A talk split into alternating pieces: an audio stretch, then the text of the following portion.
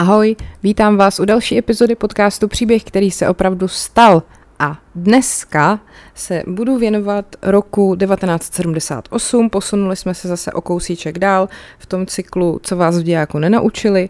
A zatímco minule jsem mluvila o chartě 77, kterou vás možná v dějáku i trochu učili, tak jsem si celkem jistá, že ty příběhy z dneška jste doteďka neznali. Pokud vyloženě buď nepocházíte z místa, kde se to odehrálo, nebo třeba nejste potomci nebo příbuzní těch lidí, kteří to udělali. Já jsem totiž zjistila, že jako zní to úplně hrozně divně, ale že během totality tady vlastně proběhlo docela dost teroristických aktů. Jako ono, samozřejmě, že dneska, když se řekne terorista, tak, tak my to považujeme za něco, co bylo, co je jako zlý a naprosto eh, jako odsouzení hodný.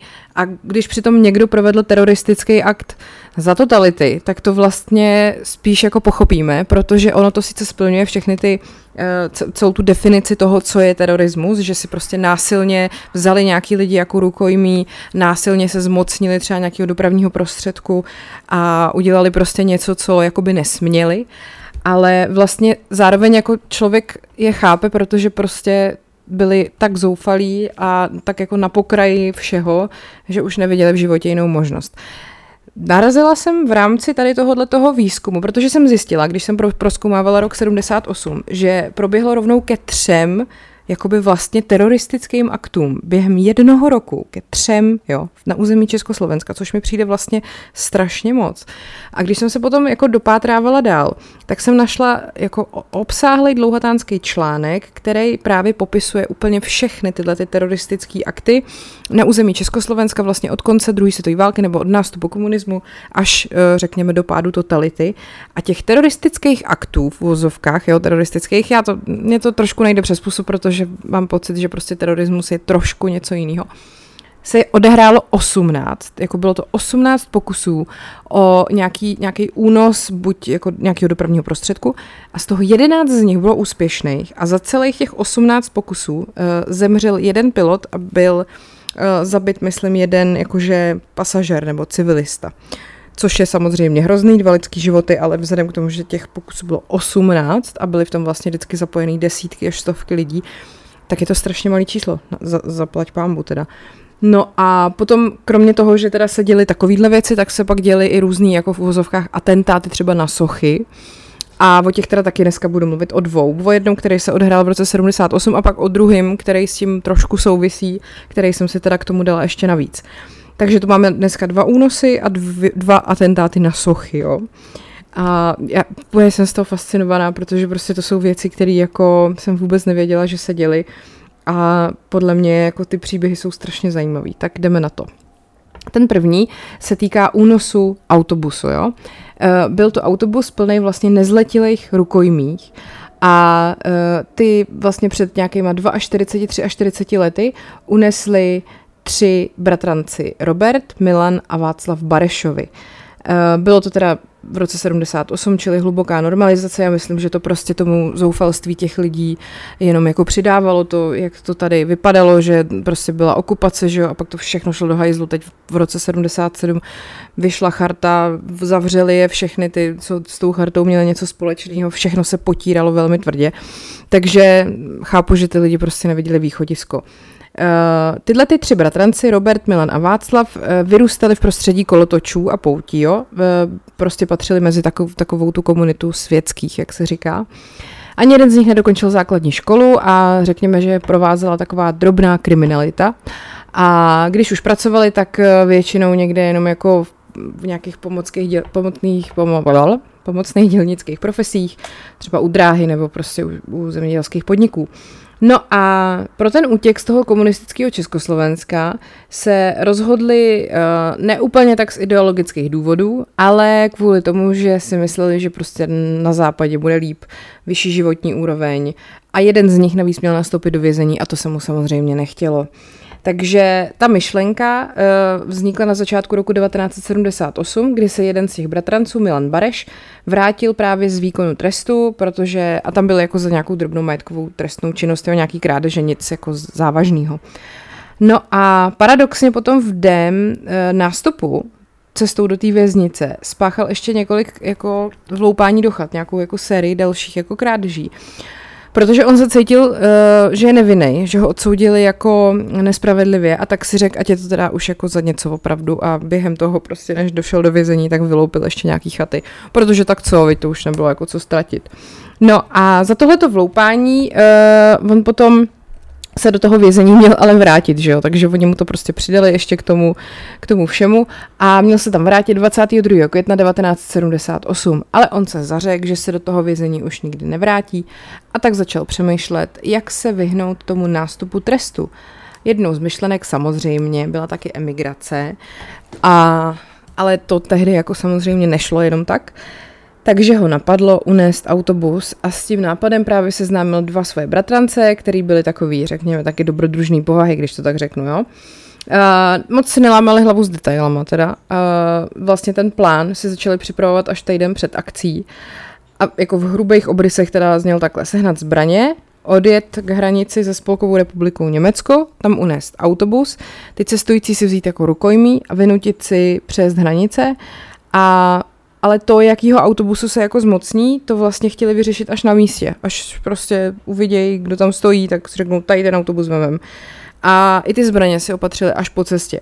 To bylo tak, že uh, brzy ráno 23. května ten Robert uh, vyzvednul oba bratrance svým trabantem a vyrazili teda směrem k západní hranici a u Řevničova na Rakovnicku narazili na uh, prázdnou hájenku a tam se vloupali. A odtud si odnesli tři pušky a 380 nábojů. A potom vyrazili směrem na Karlovy Vary, a v podvečer už byli v Chebu a tam začali hledat vhodný autobus. A ten teda objevili poblíž rekreačního zařízení u Jesenický nádrže a v tom autobusu bylo zrovna 39 gymnazistů z Říčan, kterým bylo ve tak nějak 16 let a ty jeli na vejlet do Výmaru a u přehrady měli přenocovat. Ten autobus byl černožlutý autobus Škoda, který patřil JZD Modletice, abychom to měli pěkně kompletní. No a ty profesoři z toho autobusu vystoupili a šli domluvit nocleh, že jo. A mezi tím uh, vylezli z lesa, takhle, tak na to vzpomíná ta jedna z těch studentek, uh, co tam vlastně v tom autobuse byla. Profesoři vystoupili a šli domluvit nocleh.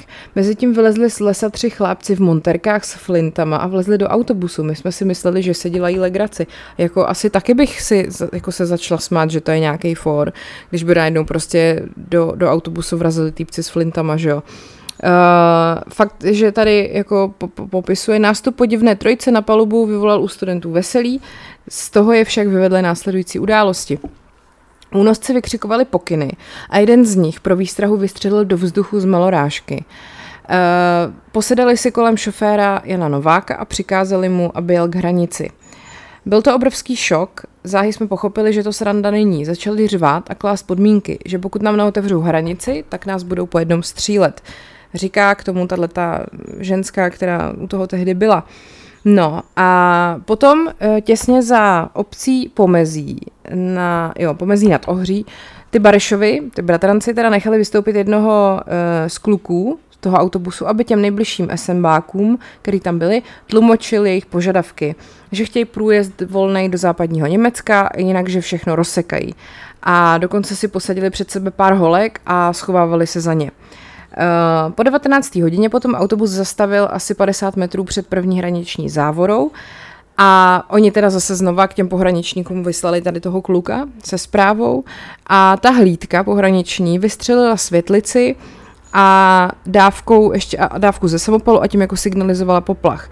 No a v tu chvíli se samozřejmě ta situace vyhrotila, protože eh, jak právě vystřelili tuhle salvu, tak ty bratranci to brali jako útok, nebo jako, že ty pohraničníci na ně jako machrujou a tak se rozhodli, že taky jako zamachrujou a několikrát vystřelili z oken autobusu a ten jeden z těch pohraničníků, nad kterým takhle proletěly nějaký střely, tak normálně prostě odpověděl eh, tím, že začal střílet přímo proti tomu autobusu. A ty střely prorazily chladič a jednu studentku lehce zranili na noze. Takže ji potom ty únosci jako pustili k tomu, aby ji ošetřili. Hele, to je prostě jak z nějakého toho, viděli jste nebo sledujete na Netflixu seriál La Casa de Papel, mě to úplně připomíná jako ten to, že jo, jak, tam vrazí do té banky a teď tam prostě vemou ty rukojmí a teď tam začnou střílet a teď jako všechno to mají. No akorát, že tady Barešovi chudáci to neměli úplně promyšlený teda.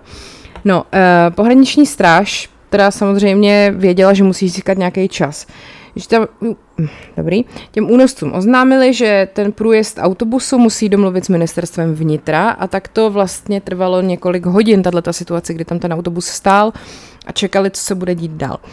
No a na místo přiletěl vrtulníkem generál František Šádek, což byl tehdejší velitel pohraniční stráže. A ten přinesl zprávu, že ty úřady na ty podmínky těch barešů přistoupí, ale že musí všechny ty studenty propustit před hlavní budovou té celnice. Samozřejmě na to ty kluci přistoupit nechtěli, protože se báli, že to je nějaká léčka a tak navrhovali, že ten autobus zastaví přímo na hraniční čáře, aby stál jako napůl v ČSSR a napůl v Německu a tam rukojmí propustí. To mi opět připomnělo jeden seriál, Eh, jmenuje se Most, je to švédsko-dánský a první díl toho seriálu, první série teda začíná tím, že najdou mrtvý tělo, který leží přesně na půl v Dánsku a na půl ve Švédsku, právě na mostu, který eh, tyhle ty dvě země spojuje. A teď, kdybyste mě zabili, tak si nespomenu, jak se ten most jmenuje a já si na to určitě vzpomenu za chvilku. Oresunský most, už to mám. Uh, tak jenom kdybyste třeba nevěděli co, tak seriál Most je dobrý. Uh, tak, jdeme dál. Takže eh, dobře mne poslouchejte, zopakuji vám postup ještě jednou. Budu vás doprovázet od závory až k druhé závoře na státní hranici. Před závorou na státní hranici propustíte všechny děti a osobně vám zajišťuji přechod na druhou stranu, řekl ten šádek podle jako vyšetřovacího protokolu. No ale oni ty bratranci bohužel netušili, že ta pohraniční stráž ten autobus rozhodně jako přes tu hranici pustit nechtěla. Takže, uh, protože jako historik potom, který to zkoumal, tak ten uh, říká k tomu, že si myslí, že kdyby jako uspěli, tak by to pak inspirovalo další lidi, kteří to Československo chtěli opustit. Uh, zase jsem u seriálu, já teď jsem dokoukala Handmaid's Tale a jako tam na to člověk kouká, že jo, je to dystopický a je to prostě šílená totalita, ve který tam ty lidi žijou a zdrhají přes hranice a tam do nich střílí a říkáte si, to je strašný, to jsem tak rád, že žiju tady, kde žiju a nic takového se u nás neděje, ale ono se tady vlastně dělo, že jo. No nic. Uh, ve hře dokonce bylo použití uspávacího plynu, který by jako vypustili do autobusu, jenomže, jakože by to uspalo všechny a děcka pak by byly v pohodě a únosce by prostě mohli zatknout, že jo. Jenomže v té době už měl ten autobus většinou oken rozbitých a pak si vzpomněli na akci Kámen z 50. let. A to je právě jedna z těch, um, jedna z těch akcí, o kterých jsem četla v tom souhrném článku o těch teroristických aktech. Já potom asi někdy udělám samostatný díl, protože fakt se těchto těch jako podobných únosů nebo pokusů o útěk jako odehrálo hodně. Tak při této akci Kámen, když se někdo pokoušel takhle přejít hranice, tak oni udělali normálně ty svině SMBácky udělali to, že vybudovali klamnou hranici, která ale byla před skutečnou hranicí, takže oni když ji jako přejeli, tak vlastně vůbec nebyli na hraní, jako chápete, v cizí zemi, ale furt byli doma. To je prostě strašná, jako je to hrozně chytrý, ale je to strašná svěďárna. No, tak, uh, takže ale to teda bohužel uh, neudělali, protože uh, těmhletěm lidem se nepodařilo včas sehnat od východoněmeckých soudruhů uniformy západoněmeckých pohraničníků, takže klamná hranice vybudovaná nebyla. No a uh, ty Barešovi, ty, ty bratranci teda tomu Šátkovi stejně nakonec uvěřili. Eh, že teda on splnil tu svoji část dohody a oni teda vlastně propustili všechny ty rukojmí, kromě řidiče, přímo té celnice. A to už bylo někdy v půl třetí ráno. Ten poničený autobus se potom uh, vlastně kodrcel směrem k hranici přímo uh, k té pohraniční stráži, která tam na ně bohužel čekala. A ty vojáci tam měli připravený obrněný transportér, ten vyjel z lesa, před ten autobus zaraz zatarasil mu cestu a rozestavili se tam pohraničníci. Jako sorry kluci, ale prostě zdrháte z totality od komunistů, jo, a vy s nimi vyjednáváte a pak jim uvěříte. To je prostě podle mě úplně, no, jako byli mladí a asi nemoc chytrý, ale stejně, že jo. Tak, uh, každopádně ty pohraničníci měli rozkaz, že pokud autobus nezastaví před tím obrněným transportérem, tak mají spustit palbu na kola a na motor. A protože v tomhle typu autobusu byl motor uh, hnedka vedle řidiče, tak tím vlastně byl řidič odsouzený k smrti, jo, což je strašný. No a když se ten autobus teda přiblížil k nějakému tomu obrněnci na zhruba 20 metrů, tak oni opravdu zahájili palbu a touhletou právě salvou byl zřejmě zabitý řidič, protože ten autobus pokračoval dál a zastavil se až vlastně nárazem o ten transportér. Pak zavládlo ticho a z autobusu se ozval nějaký zvuk a ty stráže začaly znova střílet. A dokonce tady uvádí, že jako ten autobus zasypalo víc než tisíc střel, což jako rozhodně nepřipomíná nějakou akci na záchranu rukojmích, jo. To je spíš takový prostě akt jako nějaký totální jako zuřivosti. No a tomu řidiči Janu Novákovi bylo teda 620 let, měl doma malý dítě a tu střelbu nepřežil ani jeden z těch kluků, Milan Bareš. A ty zbylí dva bratranci teda vyvázli se zraněníma. No a potom samozřejmě klasika, jak už známe. Režim na tady tu celou událost uvalil informační embargo. Eh, když potom říkala ta jedna z těch studentek, co, co v tom autobuse byla, tak eh, že my jsme tam přespali, pak jsme celý den vypovídali a přivezli nás někdy k večeru zpátky do školy. A tam nám řekli, abychom o tom nikomu neříkali. Měli jsme zákaz o tom mluvit, takže třeba ani naši rodiče o ničem netušili, tak to je hodně hustý. Jakože vám 16, tohle to zažijete a pak přijdete domů a tváříte se, že jste byli jako se školou na výletě prostě. Vah. No, Uh, potom vlastně, že samozřejmě ještě navíc k tomu chudáci studenti, že ty vyšetřující STBáci k, eh, k ním byli jako podezřívaví, že jejich první otázka zněla, jestli s nimi byli nějak domluvení ty studenti a jak to celé jako vlastně mělo teda doopravdy probíhat jo, a podobně, že tam viděli prostě nějakou konspiraci. A uh, to vyšetřování, že ale proběhlo poměrně rychle a mělo jasný závěr. Jako první spustil palbu na ten transportér ten Milan Bareš a ten, že zastřelil i toho řidiče. Samozřejmě byl mrtvý, veď, tak už nemůže jako říct, hele, já jsem to ale nebyl. Prostě takže to bylo jednoduché to na něj celý svést.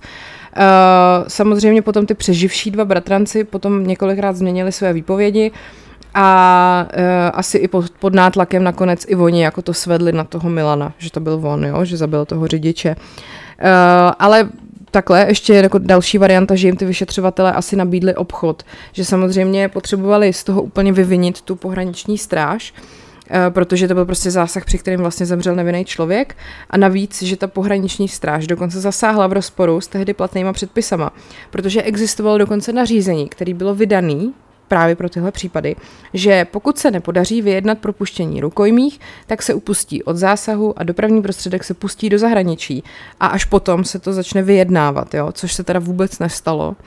Takže uh, byly normálně podle té svědkyně, té jedné holky, která tam prostě byla, tak říká, že ty pohraničníci stoprocentně byli jako připravený i na to, že klidně zmasakrujou prostě i ty studenty. Generál Šádek nám pak říkal, že dostal nesmyslný úkol zachránit děti, ale v žádném případě nepustit autobus přes hranici. Když jsme se potom ptali, co by se stalo, kdyby nás únosci nepustili, on prostě natvrdo řekl, že by nás museli zlikvidovat. Svedlo by se to na ně, jako na ty únosce, a v podstatě by nikdo nepřežil. To je prostě síla, to je úplně... Uh. A prostě měli štěstí v neštěstí, no. Že jako ten zásah by se nezměnil a těch obětí by bylo víc, kdyby ty rukojmí prostě nepropustili. Šílený. Šílený. No, uh, každopádně teda přes výpovědi těch dvou zbylejch bratranců toho Roberta a Václava, uh, který vlastně i tu pohraniční stráž uh, postavili do lepšího světla, kdy vlastně oni opravdu s těma s těma STBákama nějakým způsobem jako vyobchodovali, že když vyviní tu pohraniční stráž, tak to pro ně dopadne líp, hm, tak ani náhodou padl jeden trest smrti. Robert Bareš to odnesl v září 78, uh, eh, ho odcou, k tomu trestu smrti odsoudil krajský soud v Plzni a byl teda popravený o rok později v prosinci a ten jeho bratr Václav vyfasoval 25 let. Jo. Eh, až potom v roce 92 z popudu tehdejší ministrině spravedlnosti Dagmar Burešový byla odstartovaná revize procesu a ukázalo se, že teda ta komunistická justice byla opravdu jako nesmírně tvrdá a ten soud ty tresty změnil. Ten Václav Bareš dostal na místo 25 jen 11,5, takže šel hnedka na svobodu a bohužel ani ty polistopadové soudy ale neprokázaly, jestli tu smrt toho řidiče způsobili ty Barešovi nebo to byli ty pohraničníci. Eh, tomu popravenému Robertovi ten trest jako posmrtně snížili a vlastně potom ještě jako za smrt toho šoféra byli ke spravedlnosti ještě hna, hnaný ten generál Šádek a další velitelé té pohraniční stráže, ale nakonec ty soudy ten případ označili za promlčený. Jenom jak jsem říkala, Dagmar Burešová, tehdejší ministrině spravedlnosti, tak to je paní, která vlastně obhajovala rodinu um, těch Palachů po té, co se Jan Palach upálil a tehdejší uh, jeden z, um, řekněme, no prostě komunista vysoko postavený, uh, z toho udělal to, že vlastně uh, Palach jako to vůbec, že, že to bylo jako nějaký spiknutí a Palach byl blázen a takhle a oni se proti tomu ohradili a pak se to vlastně soudilo, tak tady ta Dagmar Burešová ty Palachovi uh, vlastně zastupovala, to potom, už jsem to taky říkala někdy dřív, ale znovu opakuju, hořící keř, dejte si to, tam právě ta Dagmar Burešová je tak, uh, jdeme zpátky tady do roku 78. Um, nejvyšší soud potom uh, ještě znova tu věc vrátil k vyšetřovateli, který se měl zabývat vinou právě toho šátka, ale kvůli jeho zdravotnímu stavu to bylo odložený a dokonce i potom vystupoval na vzpomínkových akcích pohraničníků, zemřel v roce 2015 a armáda mu vystrojila pohřeb se všemi podstami. Výborně. Uh, ale ty ne, někdejší, nebo ty tehdejší rukojmí, ale teda to sní, ten sní, snížení toho trestu těm únoscům jako nepřáli. Třeba právě tady ta jedna svědkyně toho všeho, co jí tady cituju celou dobu, myslím, že nemělo dojít k obnovení procesu, pokládat tyhle tři za oběti socialismu bylo šlápnutí vedle. Je, jak, je jedno, jaký byl režim, byl to prostě teror. No ale režim byl taky teror, že jo. No. Uh, ten Václav Bareš se k tomu v lednu 2006 vyjádřil. Byla to klukovina, bláznivina, byli jsme mladí. Nikoho bychom nezabili, nechtěli jsme nikoho zabít. Věřili jsme, že se na západ dostaneme. Uh, z osobního auta jsme slyšeli megafon, že prý k nám mluví generál poručík Šádek a slíbili nám bezpečný průjezd, když propustíme studenty. Prý si můžeme nechat řidiče. Najednou slyším řidiče, jak říká, že proti nám jde nějaký tank. Ve skutečnosti to byl obrněný transportér. Stál napříč přes silnici a v tom je ten řidič dostal. Padl na volant. Začali jsme palbu, ne, začali palbu, my jsme leželi na zemi. Vystříleli snad tři zásobníky. Já jsem dostal čtyři zásahy, měl jsem poraněnou páteř, ruku a rameno. No, takže to nezní moc tak, že by kluci začali pálit a pohraničníci stáli a čekali, že jo. Tak, no, zajímavý, že jo. To byl první příběh, který se opravdu stal. A jdeme rovnou na druhý. Tentokrát bude o únos letadla. Já už jsem vlastně tady o jednom únosu letadla mluvila. To bylo v roce 72, tam se dokonce odehrály dva, jeden v Dubnu a potom jeden v květnu a ten Květnovej se inspiroval tím Dubnovým samozřejmě a o tom Květnovým jsem mluvila a taky o tom, jak eh, to potom dopadlo s těma lidma, že vlastně oni sice přiletěli na, do Německa, ale tam potom seděli, myslím, nějakých deset let ve vězení a pak to bylo, uh, pak to zpracovali úplně trapně, špatně do epizody 30 eh, případů Majora Zemana. Jo, o tom jsem mluvila vlastně minulé v souvislosti ještě s chartou a tak. No, tak tady máme další únos letadla, jo. Prostě to bylo na denním pořádku normálně. Uh, takže ten pán, který jako byl za to pak potrestaný, se jmenoval Radomír Šebesta a líbí se mi ten, um, řekněme to pojmenování toho jeho trestního činu, vzdušné piráctví. To zní tak jako cool, ne? Uh, Každopádně ten člověk potom dostal milost od Václava Klauze, když byl jako prezident. A teď, jak byl ten, jak to celý proběhlo. Ty uh, muži, protože byl to nejen Šebesta, byl to k tomu ještě o rok starší Josef Katrinčák, oba z Karlových varů. A ten Katrinčák uh, měl ještě manželku Anu a dokonce vzali i svoje dvě malé děti. Jo? Tak uh, teda nejprve ukradli auto, odjeli s ním do Prahy, odkud teda odlítalo to letadlo. No a ukradli taky výbušniny. Ty pak měly posloužit jako výstraha, že jo, aby piloti toho stroje, který mířil původně do Brna, pochopili, že to jako únosci myslí vážně. No a pak už jako stačilo jenom to, aby propašovali kufřík s bombou na palubu letadla a po hodině a půl pak vystoupili ve Frankfurtu nad Mohanem. Jako tehdy, jak jsem říkala už i minule, prostě ono to tak jako šlo v pohodě. Nějaká letištní kontrola se prostě nebyla na úrovni jako dneska, že jo, takže prostě propašovat kufřík s bombou do letadla nebyl takový problém. No, Dne 10. května 1978 došlo k únosu letadla ČSA letícího v 18.04 hodin na pravidelné lince z Prahy do Brna, v němž sedělo 35 cestujících a 6 člená posádka. Takhle to bylo. V 1933 přistálo letadlo proti vůli členů posádky i cestujících ve Frankfurtu. Nicméně ani v Německu se únosci trestu za svůj čin nevyhnuli a byli odsouzeni ke třem letům vězení. Tak to je otázka, že jo, vyberte si, jestli tři roky vězení v Německu, anebo do smrti žít prostě tady, když oni tehdy jako samozřejmě nevěděli, jak dlouho to tady bude, jestli se to někdy stane, že, že to tu skončí a tak. No, uh, každopádně co všechno, jako je vlastně přivedlo k těm úvahám o, tu, o, tu, o té emigraci, jako není úplně jasný, protože oni všichni žijou v zahraničí a novináři vlastně nikdy se jim nepodařilo je skontaktovat. Ale prej rozhodující slovo v tom únosu měl ten Katrinčák, eh, což tvrdí třeba Ladislav Jakl, bývalý ředitel sekretariátu Klauze, kdy vlastně oni ten případ museli znova proskoumat a na základě toho potom omilostnit tam toho druhého, toho uh, šebestu. Jo. No a uh, teďkon, podle dokumentů, z nich jsme, se, z nich jsme vycházeli, Radomír Šebesta netušil, že jeho známí mají u sebe výbušninu. Když to zjistil, sám ji odpojil. Jo? A bohužel ten rozsudek z toho roku 83 uh, eh, uvádí teda něco jiného. Podle toho rozsudku ten Šebesta společně s tím Katrinčákem vyloupili začátkem května 78 sklad výbušnin ve Stanovicích na Karlovarsku a odnesli přes 3,5 kg trhavin. Ale je možný, že prostě ten rozsudek, jako, že se prostě jenom snažil ty lidi pošpenit, Bůh ví, co byla jako pravda. Uh, každopádně ten, podle toho rozsudku, ten, kdo měl uh, ten kufřík s tou výbušninou v tom letadle, byl ten Katrinčák. A průvodčímu letadla teda oznámil, že má u sebe až 15 kg plastické trhaviny a ať letadlo změní kurz na NS, NSR. A on potom, ten Katrinčák, dostal nejpřísnější trest, 12 let a jeho ženu Anu poslali potom v nepřítomnosti do vězení na 9 let. No a jestli ty Katrinčákovi žádali o milost, to vlastně se neví, protože u Šebesty teda hrálo velkou roli to, že jeho desetiletý trest byl později snížený na 6 let a od toho únosu uběhlo přes 20 let, ale on se prostě nemohl vrátit do Česka, protože na, na hranicích by ho vlastně zadrželi že jo, a poslali do vězení, takže ta milost mu umožnila jako stýkat se s jeho vlastně rodičema, protože oni ho odsoudili teda jako v nepřítomnosti. Uh, protože jak on, tak ty Katrinčákovi teda zůstali za, v úzovkách za čárou. No a on ten Šebesta teda žádal u milost už uh, i Václava Havla, ale ten ji zamítnul a nějak se jako neví úplně, uh, neví proč, protože k tomu se jako tehdy Václav Havel nějak nevyjadřoval.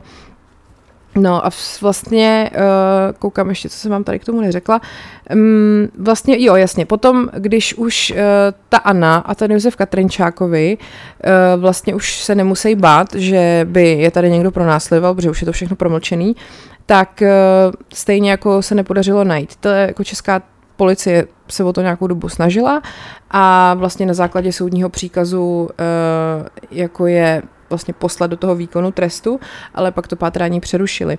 I když policie pátrání přerušila, neznamená to, že zatykač neplatí. Jo? Takže oni vlastně furt dál zůstávají oficiálně v databázi zločinců. V případě Josefa Katrinčáka bylo pátrání přerušeno, neboť policie vyčerpala všechny prostředky, kterými mohla zjistit jeho pobyt. Prokazatelně víme, že se zdržuje někde v zahraničí a je rovněž v hledáčku Interpolu. A pátrání po té Aně Katrinčákovi vzdali po té, co zjistili, že žije v Německu a žádosti o její vydání tamní úřady zamítly. No a je mi dneska teda nějakých už asi 60, myslím, a e, nakonec teda ve skutečnosti v tom kufru neměli 15 kg výbušnin, ale byly to 2 kg výbušnin. A tam teda vlastně, když potom doletěli do toho Frankfurtu nad Bohanem, tak tam se vzdali německý policii a požádali o politický azyl. Pak byli teda všichni tři odsouzený v roce 83 v nepřítomnosti a těsně před vypršením promlčecí lhuty na ně pak vydal Plzeňský krajský soud příkaz k dodání do výkonu trestu, to bylo v roce 99. Takže uh, jsem to předtím řekla blbě, ono se to nepromlčelo, ale tomu Šebestovi právě dali milost, takže on se mohl vrátit zpátky do Čech a ty mohl prostě konečně se zase vidět s rodičema, což je takový jako zvláštní. Únosce letadla Radomír Šebesta, kterému udělal prezident Václav Klaus milost, tvrdí, že emigrovat do Německa nechtěl. V telefonickém rozhovoru řekl, k únosu jsem byl donucen a kdybych to neudělal, přišel bych o život. Uh, ti, kteří nyní říkají, že se měl dostat do životí, vůbec nevědí, jak to tehdy bylo. On teď, než se vlastně vrátil teda zpátky, nebo takhle, on se vrátil zpátky do Čech a pak se odstěhoval zase do Paříže, jo. A tvrdí, že teda hlavním organizátorem byl ten Josef Katrinčák a že celý, co to vlastně stalo proto, že ten, um, že ten Šebesta mu dlužil nějaký peníze a ten Katrinčák ho tím letím jako vydíral, hele, musíš to se mnou udělat, jinak prostě budeš mít jako problém. No a ten eh, vlastně Šebesta díky tomu pak 26 let se nemohl dostat jako do Čech a uh, až poté, co dostal tu milost, takže žil ve Francii, předtím teda v Německu a uh, sám moc jako se nechtěl ani s novinářema bavit a říkal, že když potom po těch 26 letech se sem jako vydal za těma rodičema, takže stejně se mu svíral žaludek, když překračoval hranice, protože se báli, jestli ho třeba nebudou ještě pronásledovat. No a on si teda i tu německou část trestu odseděl, takže vlastně i ten trest jako si odpikal, tak co, že jo, tak jako pohoda. No a nakonec teda dojel dom, domů, kde jako žijou ty jeho rodiče a teď jako jeho maminka, prostě Oldřiška Šebestová. Kdo by neměl radost, že když syn přijde po tolika letech domů, a uvařila mu uh, oběd a byly, byly řízky. Jo? Otec Václav Šebesta se poprvé o únosu letadla dozvěděl v květnu při televizním přenosu z hokejového šampionátu. Najednou hlasatelka v přestávce ohlásila únos letadla. Jména však nepadla a tak jsem si řekla, člověče, zase něco. No a pak vlastně tu osvobozovací akci zahájila ta rodina teda v roce 90, čtyřikrát byli na hradě a pak se to teda fakt podařilo až u toho Klauze někdy v roce někdy prostě až, no, já teď nevím, Maria, teď bych kecela, no prostě až po roce 2000. Uh, eh, a kdyby mohl Radomír Šebesta vrátit čas na den 10. května 78, um, pokud by věděl, co je čeká, raději by ožilil 5000 korun, uh, které mu dlužil spolupracovník Katrinčák. Řekl jsem mu, že ho udám, když mi nevrátí dluh a tím jsem si podepsal Ortel, tvrdí Šebesta. Aha, a já jsem si totiž myslela, že jo, takhle, já, tak já jsem to blbě pochopila, to se vám omlouvám. Tak on ten Katrinčák dlužil tomu Šebestovi a ten totiž, když uh, přišel za tím Katrinčákem, že ty prachy chce, tak ho překvapil ve chvíli, kdy měl ten Katrinčák zbalený kufry k emigraci a právě ho donutil spolupracovat na tom únosu, jinak, že prej by zabil jeho rodinu. Tak takhle to bylo, jo. A to je teda druhý příběh, který se opravdu stal, takže jestli Katrinčákovi někde žijou, tak je zdravíme a doufám, že se tam máte fajn, teda no. Tak a jdeme na třetí příběh, který se opravdu stal. A to se bude týkat teda svržení sochy. Jo. E, na náměstí Velký říjnový socialistický revoluce ve městě Příbram stála kdysi socha Klementa Gottwalda. Eh, prvního dělnického prezidenta. No a před půlnocí 23. srpna 78 k té soše přijel Ondřej Stavinoha a umístil na ní trhavinu. A jak říká, bronzový Gottwald měřil 2,60 m. Dal jsem mu to mezi nohy, k tomu 12 vteřinový odpalník, spožďovač, odpálil jsem to plochou baterkou. Popisuje dělník, který byl za odpálení sochy 9 let vyvězený. 9 let, jo, za vraždu lidi chodí na 3 roky. No, eh, ten jeho atentát byl teda politicky motivovaný samozřejmě, prostě tak v Československu v té době už deset let bylo okupovaný, že jo, sovětskou armádou a ten Gottwald byl největší symbol jako teroru a nesvobody a té podřízenosti Moskvě. Takže eh, vtipný je, že ten, řekněme, tu, tu akci neprovedl žádný agent imperialismu nebo reakční živel, jak prostě ty dobový média vždycky informovali o těchto těch lidech. Ale byl to, byl to muž z lidu, horník, že jo. Eh, zástupce vlastně té nejvyzdvihovanější profese, což nepotěší. No, ten Ondřej Stavinoha se teda narodil 14. června 1955 v dělnické rodině ve Znojmě, nastoupil do učení v Rýmařově, obor zemědělec mechanizátor a po škole dělal chvíli traktoristu, pak narukoval na povinnou vojnu a pak odešel do příbramských uranových dolů, což nepotěší v nějakých tyjo, 18 letech. Pracoval na šachtě, eh, jako tomu nevadilo, byl zvyklý na dřinu a když se pak blížilo desátý výročí okupace, tak v něm jako zrál takový pocit, že třeba dát najevo nesouhlas s tou politickou situací. Mně se tohle líbí, jak je to takový příklad toho, že rozhodně ne ani všichni tyhle ty jakoby z té dělnické třídy rozhodně nesouhlasili s tím režimem, který to byl. Protože se vždycky mluví o těch, um, já nevím, intelektuálech, buržoaz, buržoustech, prostě těchto těch jakože to byli ty, kteří bojovali proti tomu režimu, ale očividně to nebyli jen oni, byli to i prostě zástupci těch dělnických profesí, který ten režim prostě hrozně vyzdvihoval. No a Prostě se mu nelíbilo, že ta okupační armáda je vlastně oslavovaná, že štvalo ho jako ta sebejistota toho komunistického aparátu, všude, že jsou SMBáci a, a lidový milice a tak. A zrovna navíc chodil s holkou, jejíž nevlastní otec sloužil u SNB a pořád prohlašoval, letos při výročí se nic dít nebude, žádný protesty, všechno máme obšancovaný. No a to tomu Ondřeje vylezlo na nervy. a ve stejné době uh, ty SNBáci pořádali v příbrami nějaký manévry, obcházeli hospody a buzerovali, i když třeba měl na bundě někdo našitou americkou vlajku, strhli mu, strhli mu ji prostě z rukávu, každodenní jako taková šikana a tak si ten Ondřej řekl, já vám dám. A uh, teď otázka, jak se v takovémhle režimu vyslovit proti té okupaci a dát najevo, že se s tím všichni jako nesmířili. No a ten Ondřej o tom debatoval s kamarádem ze šachty, který se jmenoval František Polák. A nejdřív chtěli protestovat mlčky, třeba, že by chodili v den výročí po městě v nějakém pohřebním oblečení, ale pak to zavrhli, že prostě by si tohohle toho nikdo jako nevšimnul.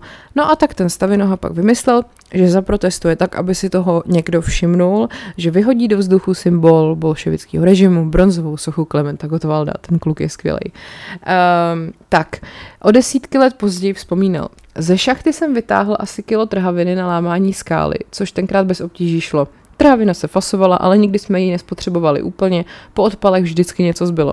Výborný, výborný. Výbušniny ukryl v posteli na ubytovně a s Polákem se dohodli, že 21. srpna 78 půjdou v noci na Příbramské náměstí a odpálí sochu. Jenomže se jim zdálo, že ta trva, trhavina nebude stačit a tak potom do plánu zasvětili ještě dalšího známého e, z té hornické ubytovny, který se jmenoval Jaroslav Týsl a ten opatřil ještě další výbušninu. Jenomže to byla velká chyba. Za prvý teda ta akce nevyšla podle plánu, protože ten Polák s tím stavinohou kvůli policejním hlídkám uh, se na to náměstí nedostali toho 21. Ale ten Ondřej se prostě nechtěl vzdát a tak se teda na to místo vydali znova kolem půlnoci 23. A uh, ten Ondřej teda dal na suchu tu trhavinu a utíkal pryč. Citám. C- citám? Ježíš Maria, cituju. Doběhl jsem ke kašně, ozvala se detonace, že mě to poponeslo kousek dopředu. V té ráně jsem se otočil a vidím, jak Gottwald padá k zemi. Současně se vysypala skla, okna i výlohy, tak jsem si pomyslel, tohle jsem přehnal. Jak jsem později zjistil, ten výbuch sochu roztrhl v rozkroku a pokud se pamatuju, utrhl Gottwaldovi pravou nohu. Nakonec jsem všechny škody zaplatil, včetně opravy Gottwalda. Chudák. No, eh, záhy po výbuchu teda tam přijeli nějaký řadoví policajti a důstojníci STB samozřejmě a začali se jako chystat nějaký mimořádný opatření. A pak okresní zpráva Sboru národní bezpečnosti zahájila trestní stíhání pro trestný čin obecného ohrožení a prej celý jedno patro v sídle té příbramské policie prostě obsadili STBáci z Prahy. No, Eh, protože samozřejmě to hnedka začali, sam, jako je mi úplně jasný, že si myslí, že zase nějaký spiknutí a, a že eh, se, se jako tady blíží nějaká prostě další jako velká akce. No, a když se teda to vyšetřování rozbíhalo, tak ten Stavinoha s tím Polákem už uh, byli na té ubytovně a druhý den normálně odešli na směnu. A to už naplno běžela policejní operace. Každou chvíli hlásil rozhlas, aby se na SNB dostavil každý, kdo něco podezřelého viděl. Bylo mi z toho dost ousko, dokonce jsme s Polákem přemýšleli, jestli nemáme utéct za hranice, ale nevěděli jsme jak. No prostě unést autobus, že jo. Pff. No, jenomže jak jsem vám předtím říkala, že neměli dělat to, že se svěřil tomu kamarádovi, pff, kamarádovi v vozovkách Týslovi, tak teď, se, teď se k tomu dostávám. Oni teda o tom výbuchu nikomu nic neřekli, protože uh, se báli, na druhou stranu se chtěli trošku pochlubit, protože viděli i v té práci, jak se tam o tom všichni baví a všichni to obdivujou. Na svobodě zůstali sedm dní a policie by jako vlastně neměla šanci, jenomže na služebně veřejné bezpečnosti se přihlásil právě Jaroslav Týsl. Měl totiž bez povolení doma pušku malorážku a dostal strach. A s vědomím, že uh, jako s tím výbuchem vlastně nemá nic společného, tak začal vypovídat. Ale že o tom věděl a že by někdo mohl zjistit, že o tom věděl, jo, prostě srap klasický. No a ty policajti si pak pro ty atentátníky přišli přímo do toho dolu, ve dvě v noci se na dobývce objevilo asi pět chlapů v civilu. Který je stavinoha, půjdete s námi. Nechali mě ještě vykoupat a odvezli mě do příbramy. Tak bodej, že jo, když jdete z dolu, tak nejste úplně reprezentativní. Um, on věděl, proč si pro ně přišli, ale nevěděl, jak přišli na to, že to byl on. Seděl v suterénní kopce a pak si ho vyzvedl vyšetřovatel. Přišel chlapík v civilu, takový hodný a říká, tak pojď Ondřej, víš, proč jsi tady? Já odpověděl, že nemám tušení. On povídá, že nemá cenu, abych zapídal. Řekl, víš co, tak já tě nechám rozmyslet. A odešel. Přišel druhý, ten byl zlý. Úplná klasika. Tak stavi noha, budeš mluvit nebo nebudeš? S kým si to vyhodil? a už to jelo. V ruce za opěradlo židle, klepeta, facky. Já to z tebe dostanu. Pořád jsem se ptal, o co mu jde, zatloukal jsem, jak to šlo a říkal si, že to přece nemůžou vědět. Nikdo nás neviděl, s nikým jsme nemluvili. Ale po půl hodině řvaní a fackování přišel zase ten hodnej a dal mi přečíst tý slovou výpověď. No takže zapírat nemělo smysl. V tom protokolu, který mu dali, tak prostě tam byly všechny detaily, které mohli znát jenom opravdu uh, ty, co to provedli a on se teda těm vyšetřovatelům přiznal, podepsal výpověď a odvezli ho do Prahy uh, do vazby na Ruzini a tam s ním prej dokonce jelo několik SMBáckých aut, který jako celou cestu houkali, jak kdyby prostě převáželi nějakého masového vraha. Uh, No a pak soud teda zasedal ve dnech 22. až 26. ledna 79. Šli teda nejdřív ke krajskému soudu v Praze, tam dostal 9 let s tím, že musí zaplatit veškerou škodu, která na té soše dělala 140 tisíc v roce prostě 79. Jo. No, soudní síň byla narvaná lidmi, četli tam, že Národní výbor v Příbramě žádá exemplární potrestání, ale pak se zase přihlásil můj předák ze šachty, který žádal zmírnění trestu, že se za mě parta zaručuje. Hned na místě jsem se proti rozsudku odvolal a věc šla asi po měsíci před nejvyšší soud. Trest mi nesnížili, akorát rozhodli, že malou část škody zaplatí Franta Polák. Takže když to schrnu, já měl 9, Polák dostal 7 a Týsl dostal rok. No, pěkné tedy. Krátce po soudu potom toho Ondře deportovali do věznice ve Valdicích, neměl tušení, co ho čeká a vzpomíná, že po příjezdu propadal zoufalství. Ale Jiný politický vězni už o něm věděli a tak uh, zařídili umístění na, na jejich celu a seznámili ho se životem za mřížema. Jako první se o něj postaral Josef Remr, uh, který byl odsouzený za údajnou špionáž. Uh, když jsem přišel ve Valdicích na Cimru, kde žilo 30 nebo 35 chlapů, dali mi základní školení. Na toho a toho si dej pozor, s tímhle si nic nezačínej. No a on teda potom ve Valdické věznici pracoval na skle, neboli mačkal na stroji korálky, vyráběl kuličky. A jednou se za mým strojem objevil takový nadupaný chlapík a povídá, ty budeš dělat na mě. Kuličky a korálky jsem dělal ze skleněných tyčí, byly to metrové tyče, vždycky se rozžavily v peci, z konce té tyče odtékalo sklo. Tak jsem jednu tu nažavenou tyč vytáhl a říkám, jdi odsud, nebo ti to vrazím do břicha. Přišel ještě jednou nebo dvakrát, ale když viděl, že nepochodí, dal mi pokoj. Ale člověk musel být pořád takhle odhodlaný a ve střehu. No, tak dobrý, hele, jak se staví noha vycajchnoval nakonec ve vězení. No a ve, v těch Valdicích jinak většinou osazenstva tvořili lidi odsouzený za nějaký kriminální delikty a ten Stavinoha tam dostal přes dívku, to byste nečekali, Gottwald. A jakože hodně pracoval, protože ta nečinnost ho ničila, že ten kriminál je strašný stereotyp, jeden den jako druhý, takže a je to nekonečný, tak pracoval 12 hodin denně a neměl moc času na to, aby měl nějaký jako špatný myšlenky. No, e, pak se na vycházkovém dvoře za měsíc s, vlastně setkal s tím svým jako v úzovkách spoluatentátníkem, tím Františkem a když ho potom pouštěli, tak Ondřej mu říkal, aby se stavil u toho týsla, co je udal a aby mu srovnal fasádu. A to pak bohužel teda zjistili, že ten týsl se otrávil plynem. Jako ani neví jako proč, ale prostě, že ten Franta, když za ním přijel, tak zjistil, že ten týsl už je po smrti. Uh, no a ten Ondřej Stavinoha se časem jako zapracoval a ten jeho výdělek vlastně ze 75 ze 75% šel na náklady věznění a na ohradu té škody, že jo, za toho zničeného Gottwalda posranýho. Takže po asi pěti nebo šesti letech to zaplatil a odkroutil si tam teda celých těch devět let a že jako ho podrželi sestra i matka a že potom dokonce i rok před koncem trestu uh, ta jeho matka poslala prezidentu Husákovi žádost o milost, ale ten ji zamítnul, no tak samozřejmě. A když potom on opustil vlastně ty Valdice, tak už byla druhá polovina 80. let a uh, vtipný je, že vlastně vyšel na svobodu jen o chvilku dřív, než ta socha Gottwalda, jako kterou on srazil tou výbušninou, navždy zmizela. Musel se najít práci, to se jako muselo, že jo, byla pracovní povinnost a tak se sebral a šel do těch dolů a nastoupil na ten úran se stejnou, vlastně na stejnou šachtu, do stejné party jako před těma devíti lety. A pak tady je jako jak prožíval rok 89, samozřejmě s radostí, litoval, že to nepřišlo dřív a po listopadu potom uh, se začalo uvažovat o zrušení toho jeho rozsudku.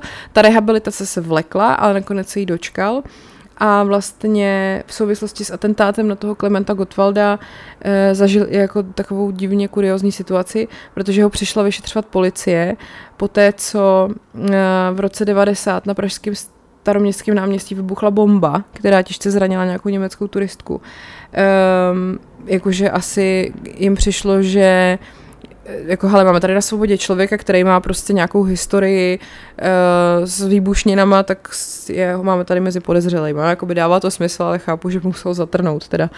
No a tady na konci ještě, jestli mu dala zkušenost z komunistického vězení něco jako dobrýho, a on, eh, co by mohlo být na kriminále pozitivního? Ztráta času, ztráta všeho, bylo to nekonečné. Ve vězení, když se dny vlekly, jeden jako druhý, jsem si často říkal, stálo mi to za to, ale co člověk nadělá, stalo se, změnit se to nedá, už je to pryč. Hele, já mu za to tleskám, jako, je to vlastně jako klukovina, je to jako kravina a vlastně jako by se nic to jako ničeho nedocílil v vozovkách, ale prostě je skvělý, že někdo tehdy měl takový koule, takovou věc udělat. Tak a právě tady tenhle ten uh, atentát na Suchu Gotwalda mě pak přived ještě k jednomu příběhu, který se stal o něco dřív a vlastně, když oni vyšetřovali toho Stavinohu, tak eh, si mysleli, že on se tady tím letím činem, o kterém teď budu mluvit, inspiroval. A byl to, uh, on totiž ten chlápek jako takový, když jsem se ho potom našla, tak má hrozně zajímavý osud, tak jsem si řekla, že vám o něm řeknu. Jmenuje se Alois Peir a on je teda teď osamělý mořeplavec, ale než se stal tím osamělým mořeplavcem, tak v první polovině 50. let se dvakrát pokusil o útěk z Československa, pak prožil 8 let jako politický vězeň v uranových dolech na Jáchymovsku a pak třetí jeho útěk v roce 68 byl úspěšný. A tam do toho ještě je právě zapletený ten atentát na Sochu. No, e, vlastně on teda byl vězněný v Jáchymovských lágrech v Plzni na Borech, nebo tak v Jáchymovských lágrech a v Plzni na Borech, pardon, a vždycky snil o cestě kolem světa. E, potom teda v 68. emigroval, usadil se v Austrálii a vlastně v docela vysokém věku si pak koupil jachtu a splnil si sen. A e, ta jeho loď, která, jako, kterou má, tak pojmenoval Vzbouřenec z Mariánské. A e, Dokonce potom i prošla tě, českým tiskem zpráva, že vzbouřenec ztroskotal někde v Kalábrii, ale že ten uh, Alois, Loiza a jeho pes Pepík, který je teda jeho, jeho jediný společník na cestách, jsou v pořádku. tak, a teď teda jak to bylo celý. Alois Pejr se narodil v září 35 v Plzni. Jeho otec byl úředník, maminka byla uh, vlastně jakože hlava rodiny, pomáhala za okupace se střeleným západním pilotům. Po válce jeho otec vstoupil na krátko do KSČ, matka ne. V době potom převratu komunistického tomu Lojzovi bylo 13, přestěhovali se do Sokolova, on se v 15 začal učit horníkem. Tam vyšel s vyznamenáním a roku 52 se přihlásil na Vysokou báňskou, ale nevzali ho, protože hádejte proč, politicky nevyhovoval. No, a teď proč neměl rád komunisty? To nebyl nějaký intelektuální odpor, ale osobní zkušenost. To vidíte vlastně druhý příklad člověka, který byl jakože horník, jo, dělník a, a zase úplně to samý. Uh, Uh, nebyl to intelektuální odpor, ale osobní zkušenost. Třeba když jsem nastupoval do učení, jeli jsme na rekreaci a já dostal za úkol udělat nástěnku, tak jsem na ní nalepil fotky hereček, jenže přišel vyšetřova, vy, vychovatel a začal ječet, abych to sundal, že to není politicky uvědomilé. Odmítl jsem a spolužáci mě na jeho pokyn seřezali. Když se ke mně blížili, rozhodl jsem se, že dám první ránu. to je, to je hustý. Uh, Uh, no, dostal jí Honza Kuhn a z tady tohohle toho Jana Kůna se pak stal jeho nejlepší kamarád a spolurozvratník lidově demokratického zřízení. Tak, rok 53, první cesta za svobodou. Ten komunistický systém se mi zdál strašně nespravedlivý. Nevyhovoval mi, vůbec se mi nelíbilo, že mi někdo pořád diktuje, co mám dělat. Tvrdili mi, že jsem nějaké nedůležité kolečko ve stroji a mám pracovat pro blaho ostatních, pravděpodobně těch jako nahoře. Jenže já jsem to viděl úplně jinak. Myslel jsem si a myslím si pořád, že můj život je výjimečný a jedinečný, že je na mě, jak ho prožiju. To je hrozně dobrý. Tyjo, cítit takovejhle, takovejhle pocit jako vnitřní svobody v této době je podle mě úplně unikátní. Tak, s Janem Kunem jsme to cítili podobně. Byli jsme trochu sígři a tak se v prosinci 1953 jsme se pokusili poprvé přejít hranice do východního Německa a pak do západního Berlína. Uh, samozřejmě, že se daleko nedostali, chytla je pohraniční hlídka, jo. A jsme v roce 53, to byl takový ten nejtuší, jako taková ta doba úplně nejhorší, to byly ty politické procesy, že jo, se Slánským a to, takový to fakt úplně fuj, fuj, fuj. No, uh, takže pohraniční hlídka je chytila, cestou na stanici utekli, vojáci nestačili ani legitimovat. Eh, v jednu chvíli, když jsme šli vedle takového srázu, jsem chytil Honzu za bundu, strhnul jsem ho, sjeli jsme po sněhu a zdrhli. Pamatuju si, jak výzdali kulky. Honza měl pak postře- prostřelenou bundu, ale nebyl ani škrábnutý. No a za pár dní, tyjo, za pár dní pokus, se pokusili ten útěk zopakovat a tentokrát ukraslit. A zase sebrali ty pohraničníci a strčili do sklepa a pak je převezli na státní bezpečnost do Karlových varů. Uh, při vyšetřování se ty kluci drželi smluvený jako historky, že vyrazili na výlet, spletli si vlak, pak se chtěli vrátit pěšky a zabloudili. A ku podivu to dopadlo dobře. Uh, jakože byli mladí, že jo, ta STB u nich ani nenašla žádný jako protistátní materiály, prostě zbraně a tak to zabralo. A propustili je pak za 14 dní na Silvestra 53. Tak, pak tady máme 19. března 54 a to je právě ten moment s tou sochou. Tenkrát jsme si řekli, že když nás nepustili na svobodu, tak jim aspoň budeme znepříjemňovat život, jak to jen půjde. Spolu s Kůnem eh, poslouchali Svobodnou Evropu, vyráběli protirežimní letáky, psali pozdech hesla. Pak je napadlo, že by mohli provést něco většího a přišli na nápad, že vyhodí do povětří suchu vojna osvoboditele v Sokolově.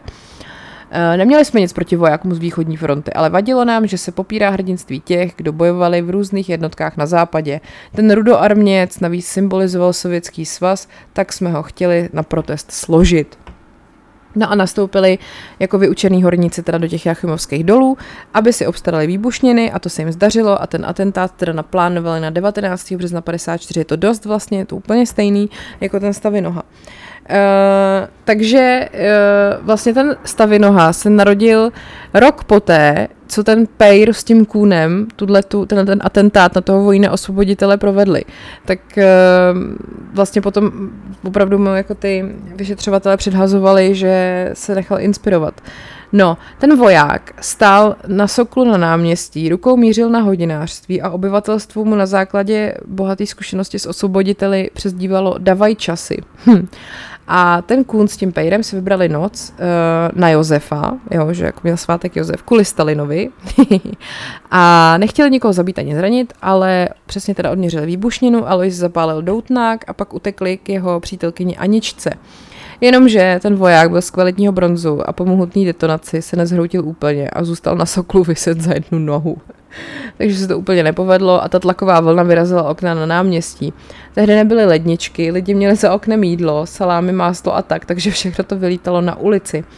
Asi bych se jim měl dodatečně omluvit, to jsme neměli v plánu. Jinak ale naše akce měla docela ohlas. Vzpomínám si, jak jsem šel ráno do práce a zaslechl, jak nějaký cizí chlapík říká jen houšť a větší kapky. To bylo docela povzbuzující.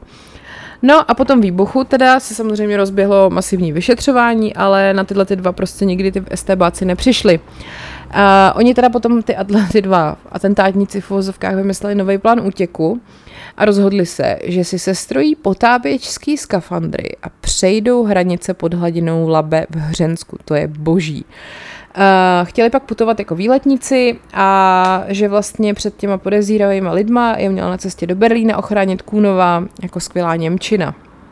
Nápad výborný, realizace už ne tak dobrá. Vyrobit skafandra je totiž dost obtížný, museli si obstarat spoustu věcí, museli ukrást dýchací přístroje v dole, který pak upravovali, ten skafandr si vyráběli z gumy, jo, všechno si to museli vymyslet. Uh, teď mě napadá, jak jsem jednou točila epizodu o útěku právě přes hranice, kde si ty dva manželský páry, nebo teda ty dvě rodiny vlastně vyrobili doma lítací balon a pak v něm utekli z východního do západního Německa. To mám taky v jedné epizodě podcastu, tak jenom, jestli, to, jestli jste to neslyšeli, jak strojíte, protože to je taky hrozně zajímavý. Um, tak, když teda ten první skafandr měli hotový, tak si ho museli vyzkoušet a chtěli to udělat v noci, jenomže to prostě nešlo nenápadně odnést. Tak si ten Alois Pejr na sebe ten skafandr oblíknul a přes něj si vzal dlouhý kabát a ten Honza, ten jeho kámoš, šel před ním a hlídal, jestli jako je vzduch čistý. No, jenomže přehlídnul SMBáckou hlídku v nějakém zákoutí a ta prostě uh, toho podezřelého v tom kabátu jako prověřila, že jo. To tomu policajtovi se pořád něco nezdálo a najednou na mě šáhnul a jak ucítil pod kabátem skafandr, hned na mě mířil a to byl konec. To se stalo 26. května 54. Toho Aloise potom převezli na vyšetřovnu STB a začalo tvrdý vyšetřování a on potom po několika hodinách pochopil, že jako nevyvázne snadno. Um, výslechy byly tvrdé. Z jsem chodil jen se zavázanýma očima nebo ve speciálních brýlích. Odvedli mě vždycky do kanceláře, tam mě přivázeli nebo želízkama připnuli k židli. Pamatuju si, že nejdřív mi ten vyšetřovatel nasazoval na krk oprátku a říkal, že mi bere míru, až mě budou věšet. To se možná zdá jako blbost, ale na člověka to strašně působí. Vyšetřovatel byl primitiv, dělnický kádr. Já jsem zapíral a on měl vztek, tak mě hla, mlátil hlava nehlava. Při tom mlácení nebylo úplně nejhorší, deptali mě i jinak, trápili mě hlady, předvolávali mě k výslechům tak, abych nedostal snídani, pak zase, abych nestihnul oběd, nedovola, nedovolovali mi spát. No a v té vazbě potom zůstal pět měsíců. A e, státní bezpečnost nakonec přišla i na ten výbuch, protože ten Kuhn to nezvládnul a vypovídal u těch výslechů, protože byl taky pod těžkým psychickým tlakem. Takže potom ty estebáci podle toho Pejra naslibovali jeho matce, že pokud přesvědčí toho svého syna, aby mluvil, takže vyjde ze všeho dobře s nízkým trestem. Jenomže to byla zase klasická bolševická lež, přesně jako se to dělo předtím u atentátu s autobusem například. Ten Kuhn uh, dostal u soudu 8 let a ten Pejr o rok víc. Honza se mi pak omlouval, ale já mu to nikdy nevyčítal. Říkal jsem mu, ty jsi ten kříž vzal na sebe, kdybys vydržel ty, možná bych nevydržel já. A zůstali jsme kamarádi do konce jeho života. Hmm. No, pak dokonce zatkli i tu jeho slečnu Aničku a ta nakonec ale nebyla ani obviněná, že to nějak zvládla všechno jako správně zapírat. Uh, potom v tom rozsudku nad nima se píše, že jsou odsouzeni za trestný čin združování proti republice, za obecné ohrožení, za pokus o opuštění republiky a rozkrádání socialistického majetku. Uh, jasně, že pak jim přišly i nějaký nevyšetřený vloupačky, který vůbec se jich jako netýkaly. no a všechno to korunuje potom trestný čin snižování vážnosti prezidenta republiky, protože to ten Pejr udělal, když namaloval nějakou karikaturu Antonína Zápotockého. No a potom v roce 55, teda, to bylo takhle, čekal ho život jako v těch uranových lágrech, že jo, tam ho převezli na takzvanou tu mariánskou uh, část, tam pracoval na šachtě Eva, No a že prostě to byly hrozný podmínky, měli jsme jedno jediné oblečení na spánek, na práci, na jídlo a pobyt na baráku, pili jsme radioaktivní vodu, z práce jsme chodili spoutaní lanem, pořád nám dělali osobní prohlídky, pořád nás šikanovali, buzerovali, měli jsme hlad, ti bachaři byli prostě perverzní. Pak v 650. se ten Pejr zúčastnil vězeňský spoury kvůli těm špatným podmínkám a vlastně od toho potom pochází to jméno tý jeho lodi vzbouřenec z Mariánské. Pak ho přivezli na Bory, kde byl čas od času jako trestaný kázeňsky, uh, jako třeba jedno bachařský hlášení ze spisu, jo. Um, určuje jmenovaného k kázeňskému řízení. Jmenovaný dne 2. července 1955 58, pardon, vyšmejdil salám, který si pak na seknici na záchodku opékal. Dne 6. července 58 napadl chodbaře při výdej kávy a tomu to udělal na krku šrámy, jak jej škrtil. Dobře. No, potom se teda na svobodu ten Alois Pejr dostal v roce 62, ho podmínečně propustili. Um, rodiče už neměl v té době a tak vyrazil za sestrou a uh, potom vlastně, když byl v tom domě, kde ta sestra měla bydlet, tak jeden se jako ptal se sousedů, až mu nějaká žena řekla, že přivolá manžela, který určitě bude vědět. No a ten manžel přivolaný byl jeden z těch brutálních vyšetřovatelů z toho roku 54. Kriminále bych přísahal, že ho zabiju, až ho potkám bez pout, ale neudělal jsem nic, prostě jsem šel pryč. A nakonec teda našel útočiště u kamaráda z lágru, tam vystřídal pak různý dělnický zaměstnání, oženil se a po okupaci v roce 68 emigroval s manželkou a dítětem do Rakouska a pak do Austrálie, takže to dobře dopadlo a to byl další příběh, který se opravdu stal a dnešní poslední. A tak doufám, že se vám to líbilo. Eh, děkuji vám za pozornost a budu se těšit zase příště.